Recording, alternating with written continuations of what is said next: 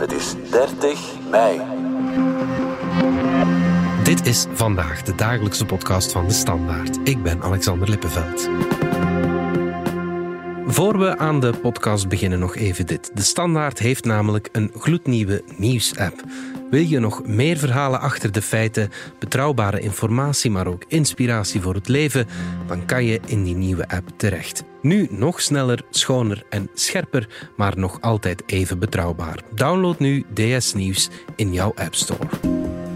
De uitspraak in het proces tegen de reuzengommers die verantwoordelijk waren voor de dood van student Sanda Dia zindert nog na. Op sociale media valt meer dan één keer de term klassenjustitie. En zaterdag nog kwam een honderdtal mensen samen op de Groenplaats in Antwerpen om te protesteren tegen wat zij een erg mild vonnis noemen. Was dit bijna vijf jaar na zijn overlijden dan Justice for Sanda?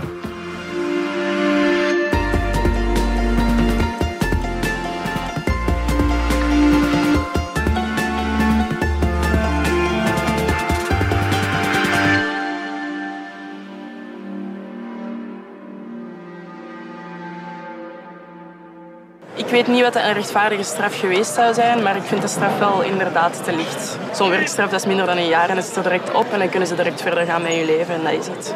Als ehm, er hogere straffen staan op zwart rijden met een tram of met de bus dan dat er staan op schuldig verzuim, dan spelen er andere dingen mee dan gewone gerechtigheid. Dus op deze moment vrees ik dat het democratische beeld dat de welvaartsstaat in België voor mij hoort uit te dragen heel erg geschonden is. Dat was een van de betogers zaterdag in Antwerpen voor de microfoon van de VRT, Helene de Beuklaren van onze binnenlandredactie. Jij volgde het proces. De algemene teneur na afloop is dat de straffen te mild zijn. Vertel eens. Dus in een arrest, een lijvig arrest van 118 pagina's, hebben de drie rechters van het Hof van Beroep van Antwerpen alle 18 reuzengommers veroordeeld voor onopzettelijke doodslag en mensonterende behandeling.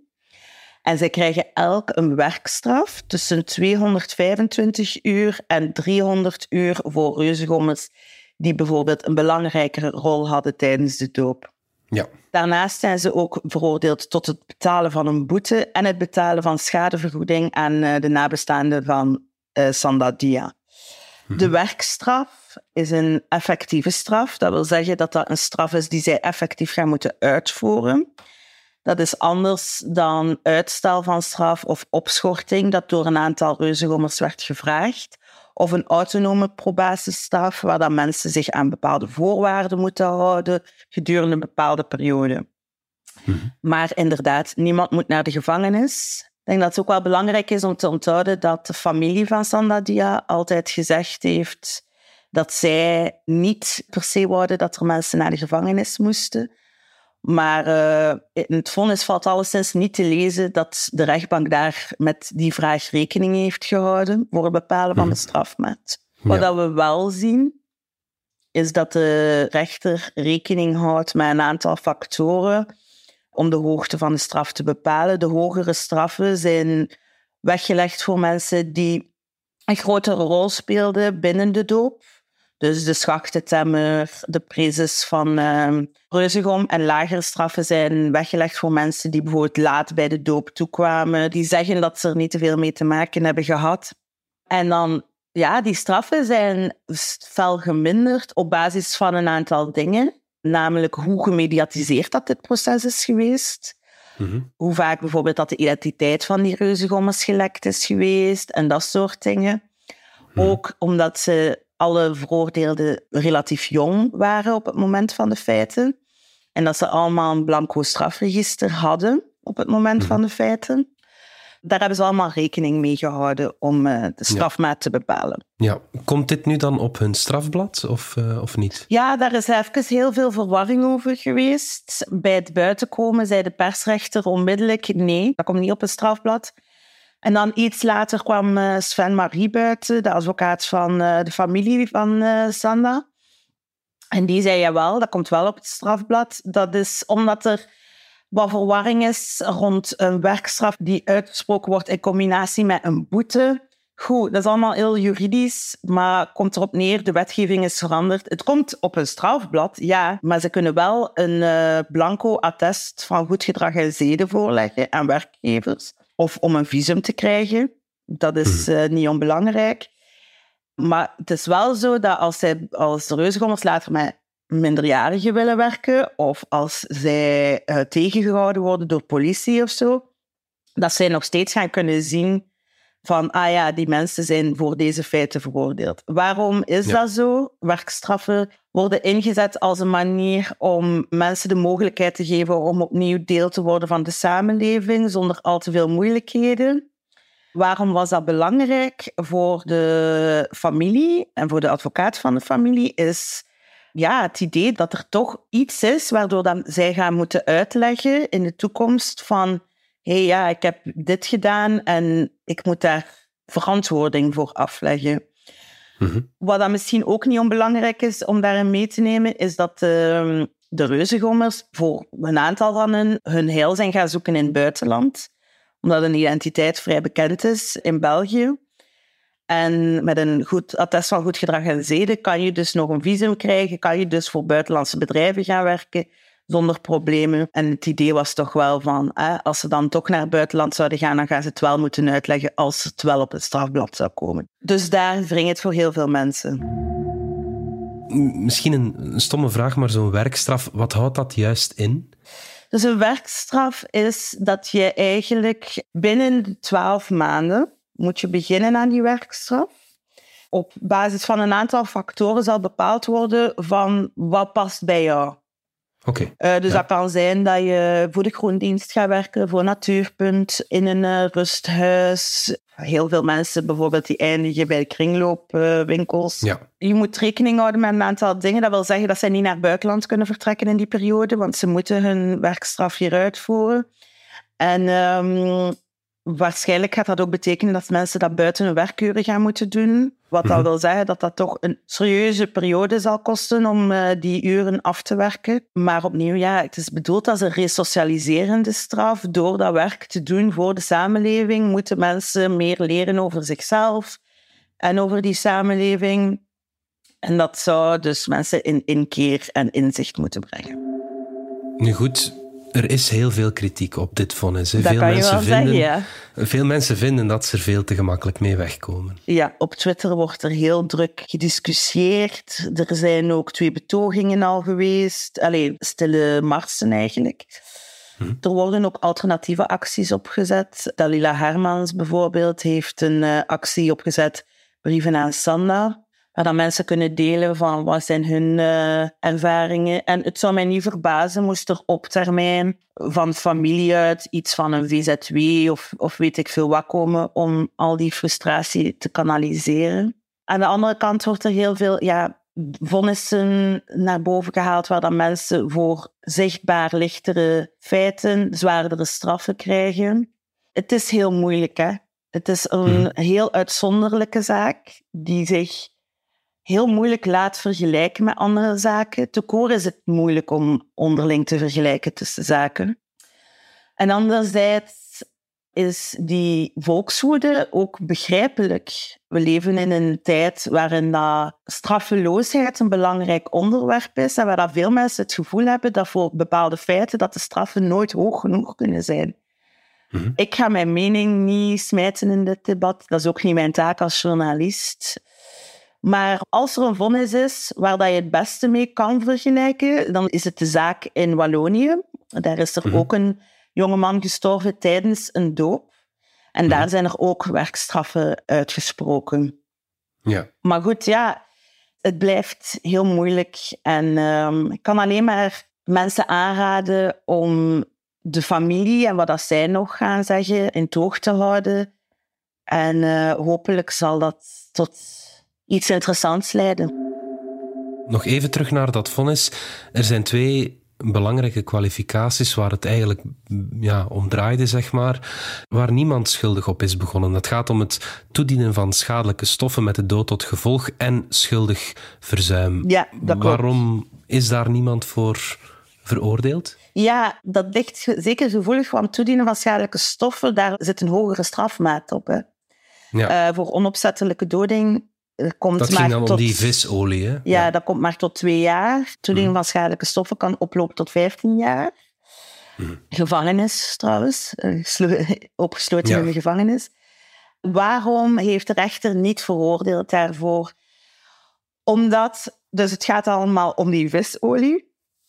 Sanadia is gestorven aan een acuut hersenoedeem. Dat is een gevolg van een overdosis zout in het bloed, in het lichaam. Dat is een vrij uitzonderlijke doodsoorzaak. Er zijn niet veel mensen die daaraan sterven. En daar zit het ding dat wringt. Die vissaus is eigenlijk gebruikt zoals ze niet hoort gebruikt te worden, in heel hoge hoeveelheden.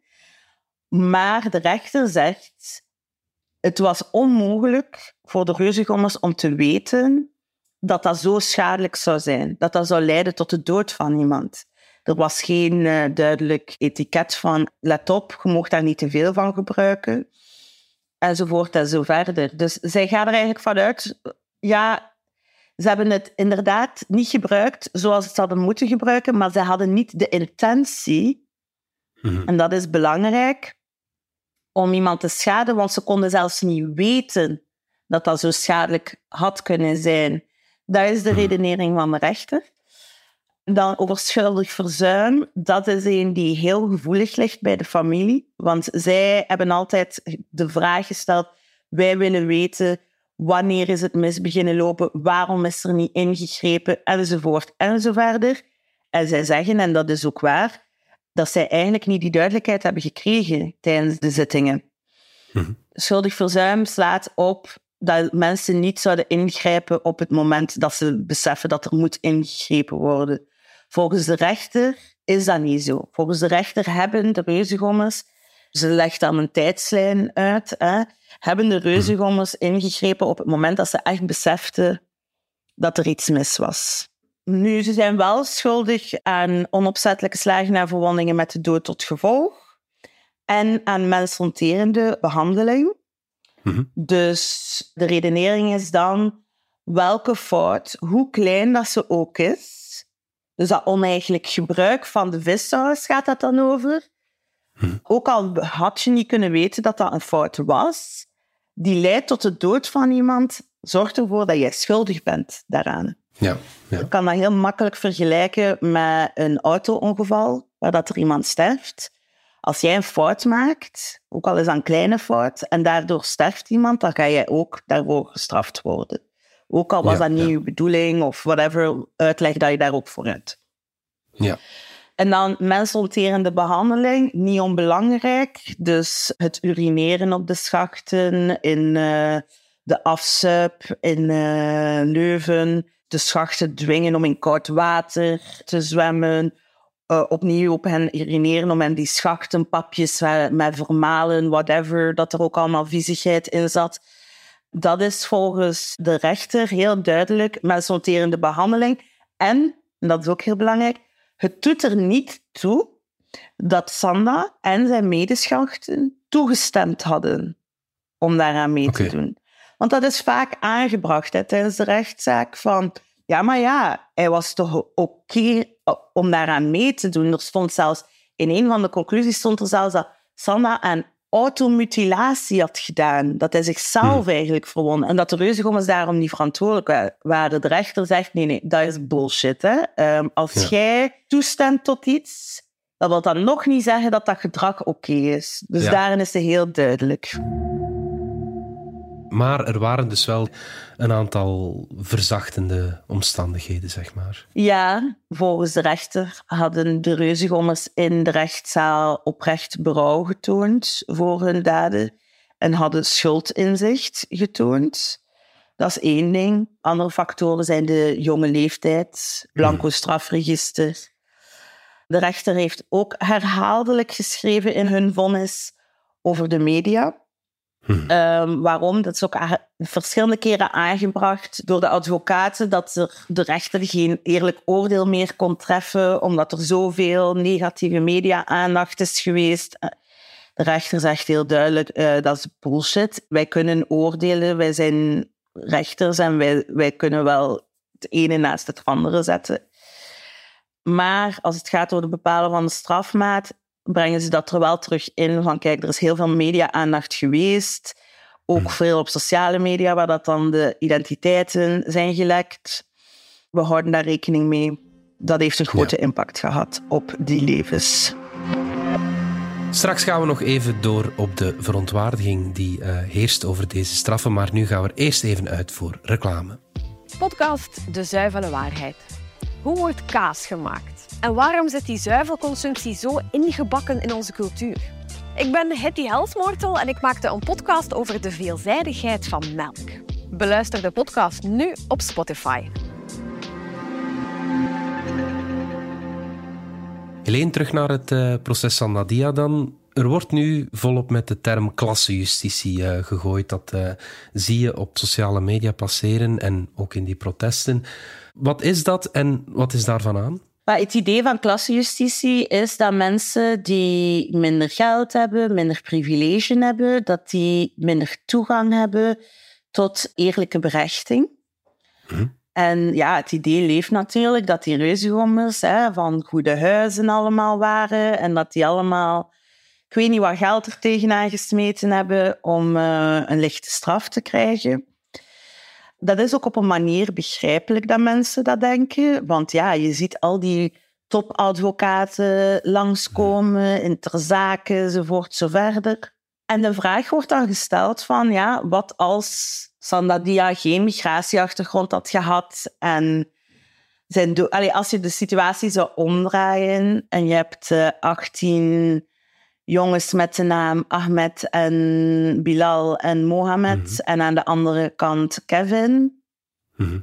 was het anders geweest? Ja, ik kan daar niet op antwoorden. Hè. Tegelijkertijd is het ook een extreem gemediatiseerd proces geweest. Hè. Elke stap van dat proces is in live blogs en in artikels en alles gevat. Dus als mensen het gevoel hebben dat daar iets niet klopt, ja, ik kan alleen en alleen dan aanraden om al die artikels en liveblogs te gaan herlezen. Mm Mensen zeggen dat de heftige reactie getuigt van een wantrouwen in de rechtsstaat. Mhm. Maar mijn aanvoelen is eigenlijk omgekeerd.